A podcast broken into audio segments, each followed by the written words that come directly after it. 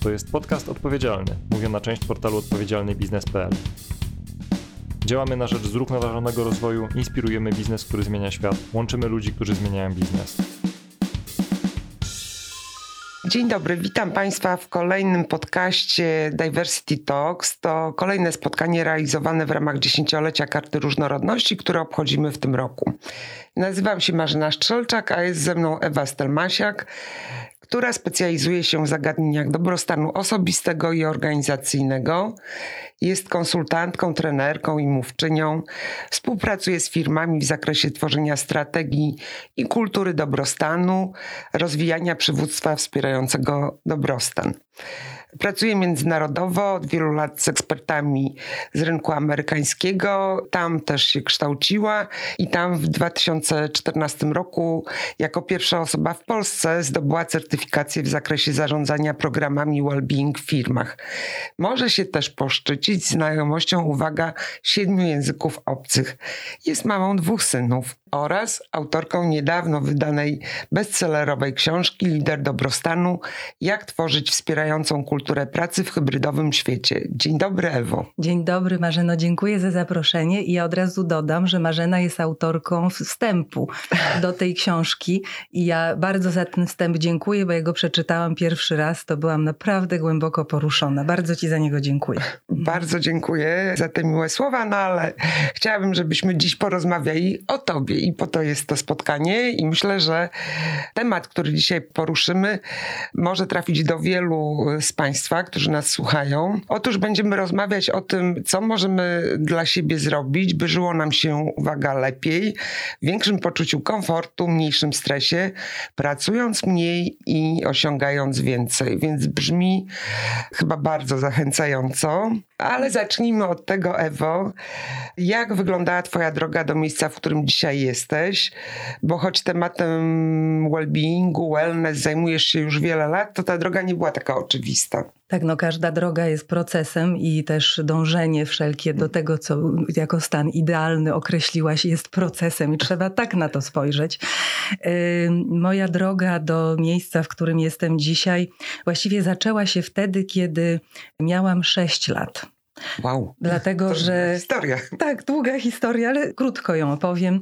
Wtedy rodzice, y, zaraz po stanie wojennym, wyjechali na kontrakt jako lekarze do, do Libii. Y, I tam zostałam przyjęta do szkoły francuskiej, której, do szkoły no, dla dyplomatów, dla całej społeczności francuskiej i międzynarodowej w Libii. Pozdrawiam wszystkich Libijczyków, czyli Polaków, którzy żyli też w latach 80. w tym kraju. I dzięki temu właściwie dlatego, od tego zaczynam, bo to mnie otworzyło na świat, na inne kultury, na inne języki. Też. Y, mm, no właśnie, mam pytanie, że ci wejdę tu w słowo. Czy wśród tych siedmiu języków jest też może język, którym posługują się ludzie w Libii? Tak, uczyłam się arabskiego, umiem do dzisiaj pisać i czytać, chociaż nie jest to łatwy język, bo też na przykład samogłoski są pisane w specyficzny sposób, zasadniczo na spółgłoskach koncentrują się słowa, hmm. więc trzeba je znać, e, te słowa, żeby je dobrze odczytać. Zdecydowanie. Ja raz byłam w Libii, miałam szczęście tą. No i właśnie zastanawiałam się, jak tam można podróżować samochodem samodzielnie, no jeżeli wszystkie napisy są w alfabecie, który trudno jest przyswoić e, ludziom z innego kręgu kulturowego. No w naszej rodzinnej historii jest jedna taka, którą jeszcze do niedawna moi rodzice lubili opowiadać, jak to obudzili mnie w środku pustyni, w środku nocy jako dziecko i był tam drogo drogo, były dwa drogowskazy i no, był od właściwie przeżycie prawie, że zależało od tego, czy Lewo, pojadą czy w dobrą stronę, tak. I w tej, w tej krytycznej sytuacji okazałam się przydatna z moimi umiejętnościami. Ale to, co tak naprawdę było dla mnie ważne, to było, mm, tak jak dzisiaj z perspektywy tego świata Wuka czy Bani patrzę mm -hmm. na to, e, to, że to był czas, no to były rządy Kaddafiego. I to były bardzo niepewne czasy.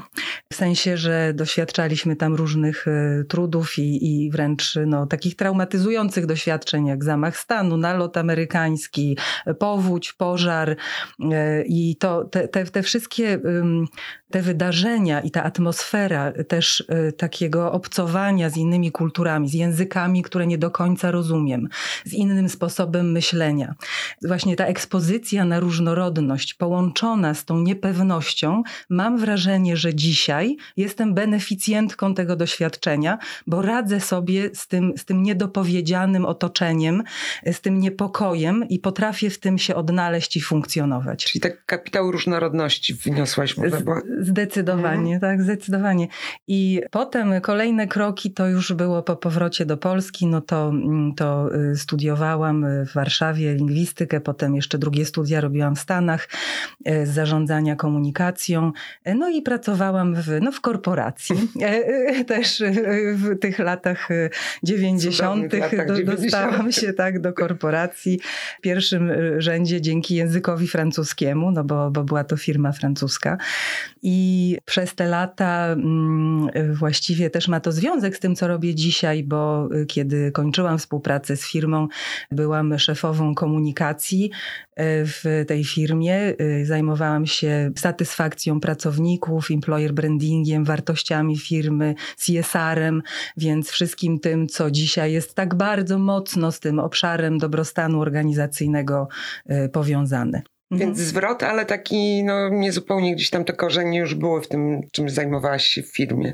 Tak, tak, ale połączyłam to, bo potem jak już postanowiłam, że, przez, no, że, że założę swoją firmę, to, było, to był 2012 rok, czyli w tym roku The Wellness Institute obchodzi dziesięciolecie to moje korzenie to, to były, była znowu medycyna, bo wywodziłam się z lekarskiej rodziny. Przy kolacji słuchałam o problemach pacjentów, one były mi bardzo bliskie.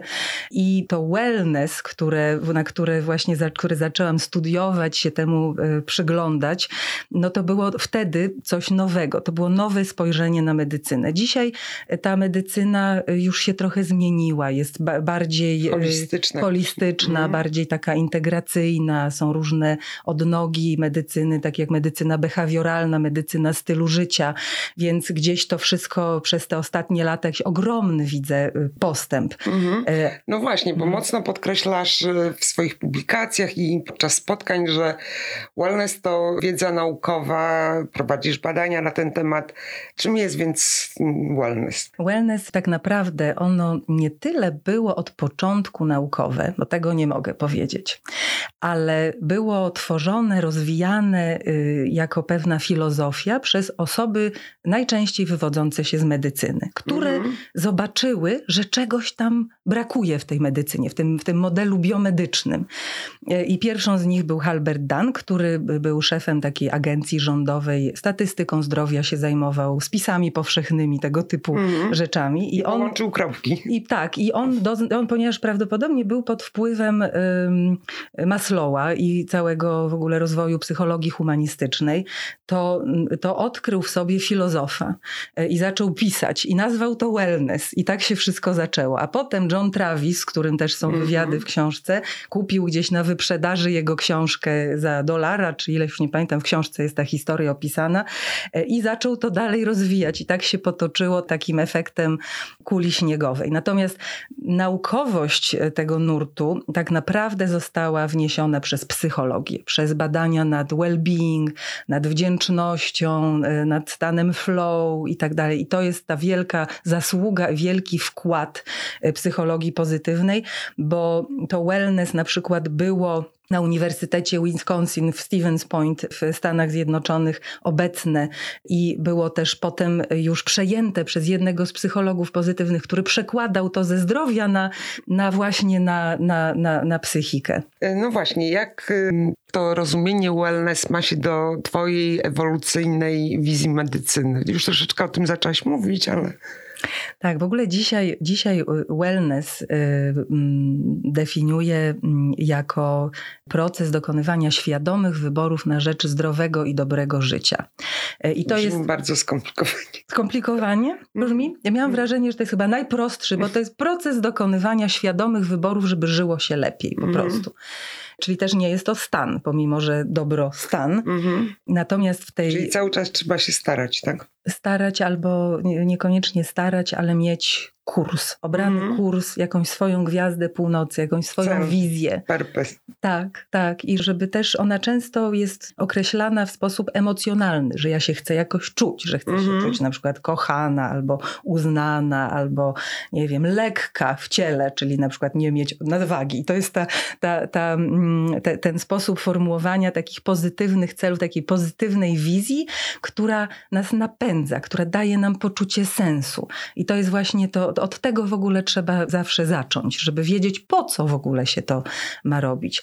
Ale wracając jeszcze do wellness, bo ja też stworzyłam własną no definicję no właśnie, wellness. Ewolucyjna wizja medycyny. Tak, ewolucyjna wizja medycyny to jest podejście do zdrowienia, w którym pacjent bierze odpowiedzialność za swoje zdrowie, co już dzisiaj też nie brzmi jak nowum, ale ma też wsparcie coacha wellness, czyli osoby, która jest jego sojusznikiem w procesie zdrowienia, bo zwłaszcza w chorobach przewlekłych pacjenci są, no, zderzają się z systemem, mają różne emocje. Jest to trudny proces e, i wsparcie takiej osoby jest po prostu no, nieocenione, ale również w radzeniu sobie z różnymi, w ogóle z chorobą, z akceptacją choroby, czy ze zmianą stylu życia. To są wszystko obszary, którymi zajmuje się coaching wellness, a dzisiaj w Polsce jest dosyć silna grupa coachów zdrowia i mhm. działają e, podobnie. W Stanach coaching wellness e, jest obecnie wręcz refundowany, więc uznano jego wartość e, dla społeczeństwa, dla pacjentów,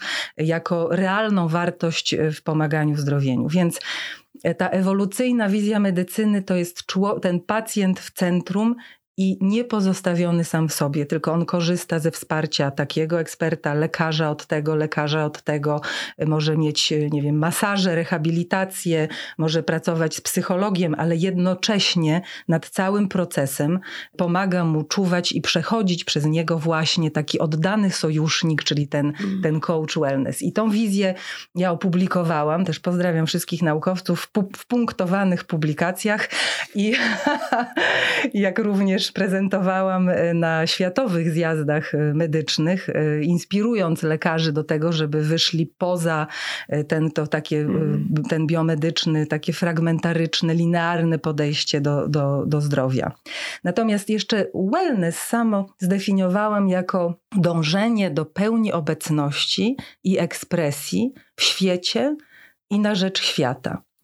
I taka definicja wellness y, zawiera w sobie zarówno tą uważność, tą obecność. Ten, skierowanie na siebie. Skierowa- Tak, tak. Jak również ekspresję, czyli wyrażenie swojego najwyższego potencjału, swoich najwyższych możliwości.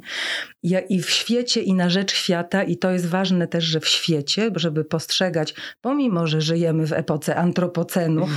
i jako y, gatunek niekoniecznie, nie zawsze w sposób odpowiedzialny Y, zarządzamy naszym ekosystemem i innymi gatunkami, mm. będąc na szczycie łańcucha pokarmowego, mm, no to jednak, żeby postrzegać siebie jako część tego świata i działać na jego rzecz, czyli w świecie i na rzecz świata, czyli nie tylko well-being, ale i well-doing, czyli czynienie dobra.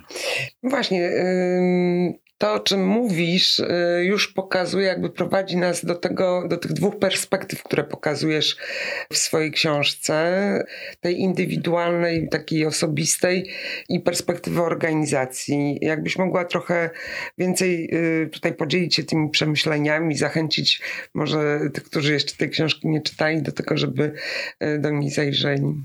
Tak, książka jest rzeczywiście tak zbudowana, że zaczynamy od ja, czyli od mojego rozwoju rozwoju, od tego, czym jest dobrostan, czym nie jest, jak do niego podejść, e, a potem przechodzimy do życia organizacyjnego. I mm, jest to tak napisane mm, z myślą o liderach, o liderach, e, którymi tak naprawdę jest każdy z nas w pewnym mm. sensie, czy liderem zespołu, czy liderem myśli jakiejś, czy, czy liderem w swojej rodzinie żeby właśnie zacząć od siebie i nabrać tej świadomości, jakiejś takiej autorefleksji, e, a później przyjrzeć się temu życiu organizacyjnemu e, i tam w tej części dotyczącej życia organizacyjnego przedstawiam też konkretne mechanizmy, e, strategie postępowania, jak również trendy, które mają wpływ na to, jak, jak zarządzamy. No właśnie, bo tam też dajesz konkretne wskazówki, więc może tym trochę byś się podzieliła, żeby pokazać Tak, w ogóle dobrostan postrzegam systemowo. Systemowo w tym sensie, że, że to jest dobrostan osobisty, jest dobrostan y, dbanie o siebie, dbanie o ludzi i dbanie o planetę. I dobrostan zarówno osobisty, jak i zespołowy, organizacyjny, społeczny i dobrostan na świecie też wręcz jako wybór polityczny, szeroko patrząc. Y, więc y, jeśli chodzi o wskazówki, to, to mm, taką pierwszą wskazówką dla osób, które chcą w ogóle zacząć, to jest, żeby zadać sobie pytanie na przykład, jak mogę spojrzeć na to z innej perspektywy na, na, to, czego mhm. doświadczam. Albo y, drugim, drugą taką strategią jest y, przy, wracanie do swoich mocnych stron. Stałe przypominanie sobie, co robię dobrze, bo od tego zaczyna się rozwój. A trzecią jeszcze taką też y, takim mentalnym zadaniem może być też y, takie niwelowanie swoich nawyków myślowych, przyglądanie się im. To bardzo trudne. Tak, tak, tr trudne, wymaga samoobserwacji, samoświadomości y, i zadawania sobie pytania, czy to, co myślę, jest na pewno prawdą i zawsze prawdą. Się zwykle okaże, że jednak w jakichś sytuacjach tą prawdą nie było. Niekoniecznie. I to, to, to podejście jest bardzo bardzo ważne, no nie tylko z punktu widzenia dobrostanu osobistego, ale w ogóle dobrostanu też społecznego, żebyśmy potrafili patrzeć, na, nie, nie trzymać się ściśle swoich własnych racji, tylko otwierać się na racje innych e, i tą różnorodność tych naszych doświadczeń i poglądów akceptować i wśród nich funkcjonować dobrze. To jest w tej chwili chyba wielkie wyzwanie społeczne w dobie polaryzacji silnej. W książce odwołujesz się też do wielu spotkań, przytaczasz e, różnego rodzaju rozmowy, ludzi, których spotkałaś na swojej drodze. Czy jest może takie spotkanie, taka rozmowa, które szczególnie mm, ci zapadły w pamięć, którym chciałabyś się teraz podzielić? Tak, rzeczywiście przeprowadziłam do książki około 20 wywiadów, w tym chyba 8 e, z osobami e, z innych krajów. Y, I mm, jestem bardzo szczęśliwa, że dotarłam do osób, które dały mi taką wartość dokumentalną, bo tam w tej książce są y, nie tylko moje własne opinie, czy poglądy, przemyślenia, zalecenia, ale y, również właśnie historie, dokumentalne historie, które, które nie są powszechnie znane nawet w Stanach Zjednoczonych. Mm. I każda z tych rozmów była dla mnie ważna, zresztą z wieloma tymi osobami znałam się wcześniej. Niektórzy byli moimi mentorami, nauczycielami e, ale też ostatnio, akurat tak sytuacyjnie, dosłownie w ostatnich dniach, koleżanka mówiła mi, że zdaje egzamin z psychologii, no i że właśnie zaliczała model Prochaski. A w książce jest opisany właśnie model Jamesa Proczaska, ale od kuchni. Mm. Jak do w ogóle doszło do tego, że on wpadł na to, jak ten model skonstruować i w jakich okolicznościach życia.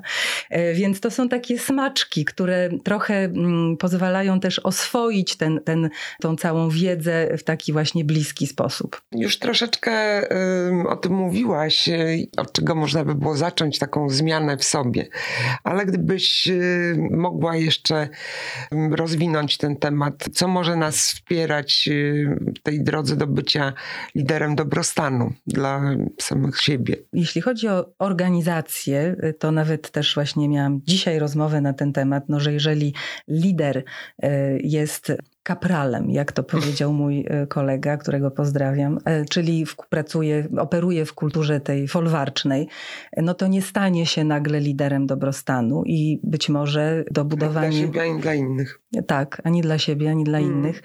I wtedy być może jedynym wyjściem jest, żeby się po prostu z taką osobą rozstać, bo taka kultura dobrostanu też zaczyna się od tego, żeby pozyskiwać do niej właściwe osoby, takie, które mają te kompetencje miękkie i będą w stanie je realizować w sposób taki organiczny, naturalny, w tym właśnie trudnym, zmiennym i pełnym wyzwań świecie, bo, bo to jest świat, w którym wychodzą te instynkty naturalne. No tak, ale też e, jakby budowanie inkluzywnych organizacji, e, no to jest proces e, tego przyglądania się własnym uprzedzeniom, też nieuświadomionym uprzedzeniom i no jakby kształtowania tej otwartości na różnorodność i inkluzję, tego właśnie, żeby osoby miały wpływ wpływ, nie tylko mogły pokazać, że mają inne zdanie, zgodzić się, nie zgodzić, ale też y, mogły kształtować tę organizację. Tak, w ogóle ca, ca, całe organizacje te inkluzywne jest to tak y, ważny z punktu widzenia dobrostanu też no, nurt, czy jakby mhm. można było to nazwać i one ze sobą współgrają, razem idą w jednym kierunku i zdecydowanie też są mi znane wyniki prac warsztatowych, na przykład liderami, jak te, te pracują nad swoimi uprzedzeniami. To jest, to jest ogromna wartość e, tego, e, żeby jak oni mają organizacyjne wsparcie w tym, żeby e, przejść pewien proces i coś zrozumieć. Więc to jest naprawdę wielka, wielka wartość i zaczyna się od rozwoju świadomości. Ale jeśli wracając jeszcze do tych strategii też właśnie liderskich, to lider dobrostanu w organizacji to jest osoba, która dba o siebie,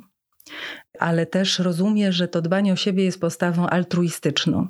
Czyli to, że on zadba o siebie, ma wpływ na to, jak, jaki on jest dla ludzi. I to zarówno w życiu osobistym, jak i zawodowym. To dotyczy partnera, partnerki, e, jak również współpracowników czy, czy, czy podwładnych.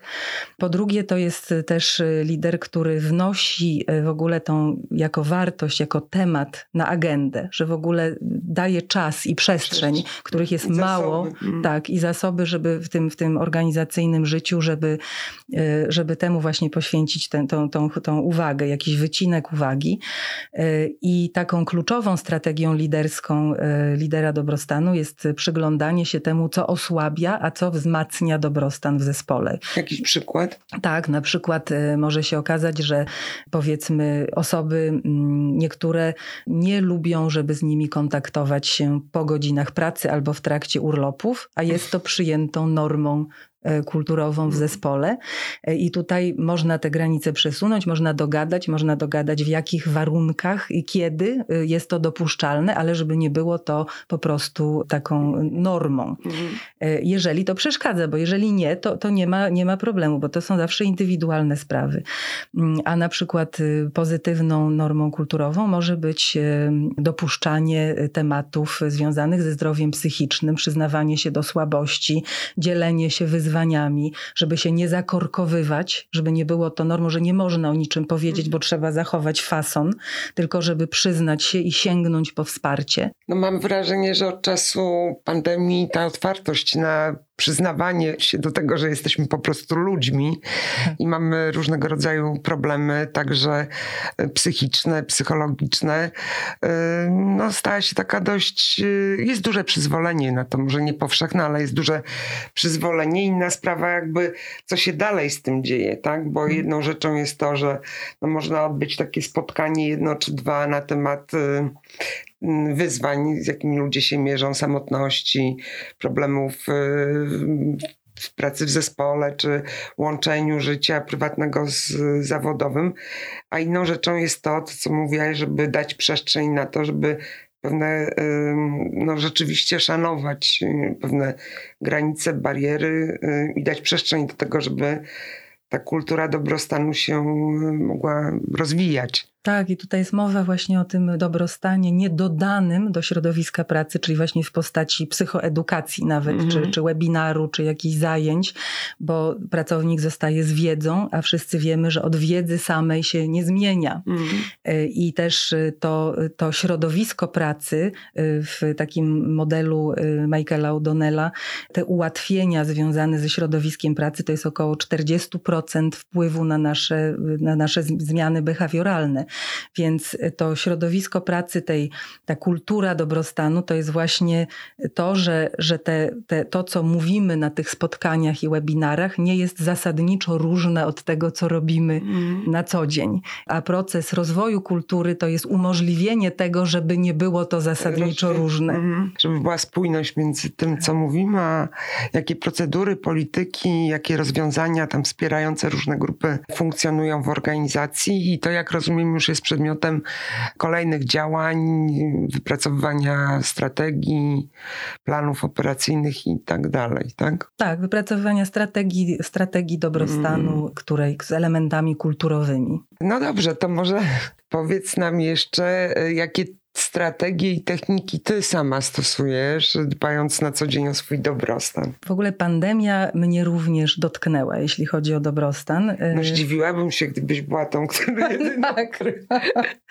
Zdecydowanie tak. Mm. I też y, pisanie książki wpłynęło na no, obniżenie mojego dobrostanu fizycznego, bo musiałam mm. y, odpowiednią liczbę godzin y, przy biurku odsiedzieć, on top of innych rzeczy, które mm. i tak musiałam odsiedzieć.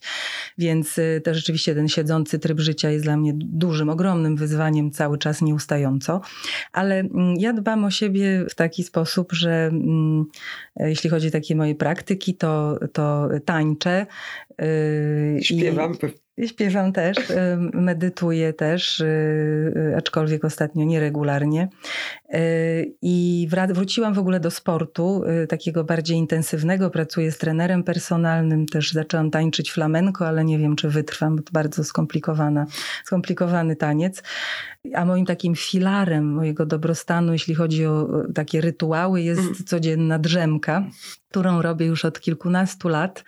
Około godziny 12-13 trwa 18 do 20 minut i pozwala mi zacząć drugą część dnia, no tak jakbym dopiero się obudziła. To jeżeli dobrze liczę, to zaczęłaś ten rytuał jeszcze pracując w korporacji, czy to już było później? Nie, już później. Mm. Później jak zaczęłam mm. odkrywać y, wellness, to, to, to, to było później. Tak, mm. tak. W korporacji natomiast proponowałam zrobienie sali drzemek. -hmm.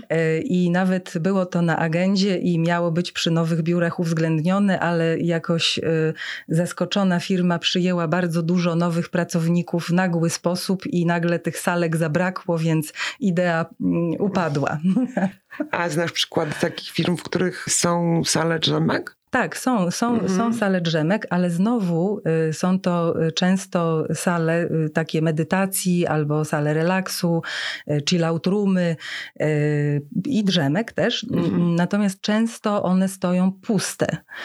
To wynika z tego, że nie ma kulturowego przyzwolenia na to, żeby z nich, z nich, korzystać i nie ma wyrobionych takich nawyków, mhm. bo to działa wtedy właśnie w takim podejściu kulturowym zintegrowanym, to, że i my szkolimy pracowników z tego, że tak jest i mówimy mówimy nowym, że słuchajcie, u nas jest ok, pójść się przespać do sali mhm. drzemek i ta sala drzemek jest i nie jest zawalona kartonami, tylko jest mhm. dostępna i ileś tam, i, i, pre, i, szef mówi tak, słuchajcie, nie ma problemu, ja rozumiem, że to wy tam nie śpicie, nie robicie mhm. nic innego, tylko, znaczy śpicie, nie, nie, właśnie mhm. śpicie, ale regenerujecie się, ale nie unikacie pracy, tylko to służy regeneracji energii mhm. i wtedy jest takie ogólne przyzwolenie i jest to normą kulturową, że jest ok pójść e, się właśnie właśnie przespać, zregenerować w trakcie dnia pracy. Tak jak w opisywanej przeze mnie Patagonii jest normą kulturową wyjście na surfing, kiedy jest odpowiednia fala. Mm. Bo i to jest okej. Okay. Po prostu wszyscy no tak, się spodziewają tego, że to nastąpi, bo to jest po prostu okej. Okay. No tak, czyli dbałość o wellness y, bardzo mocno połączona z taką dbałością o aktywność fizyczną, tak?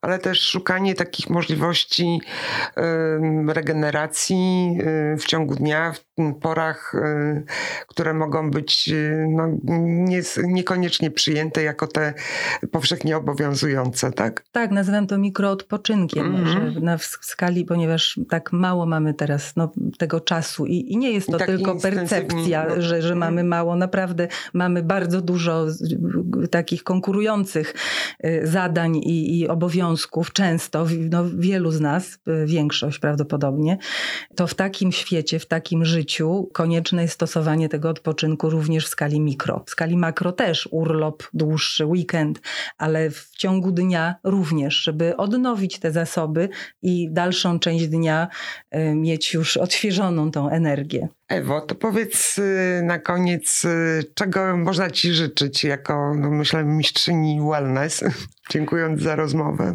Myślę, że ekspresji artystycznej. Więcej mm. przestrzeni na to, żebym mogła wrócić na scenę i śpiewać piosenkę francuską i żebym może w ciągu najbliższego roku albo półtora roku znowu występowała.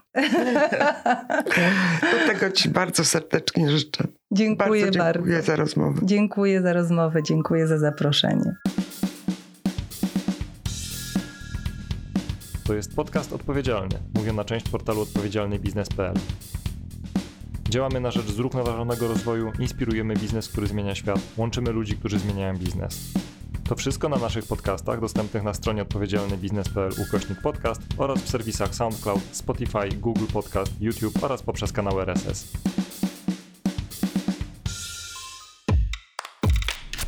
Ten odcinek powstał w studiu Produkcja Podcastów.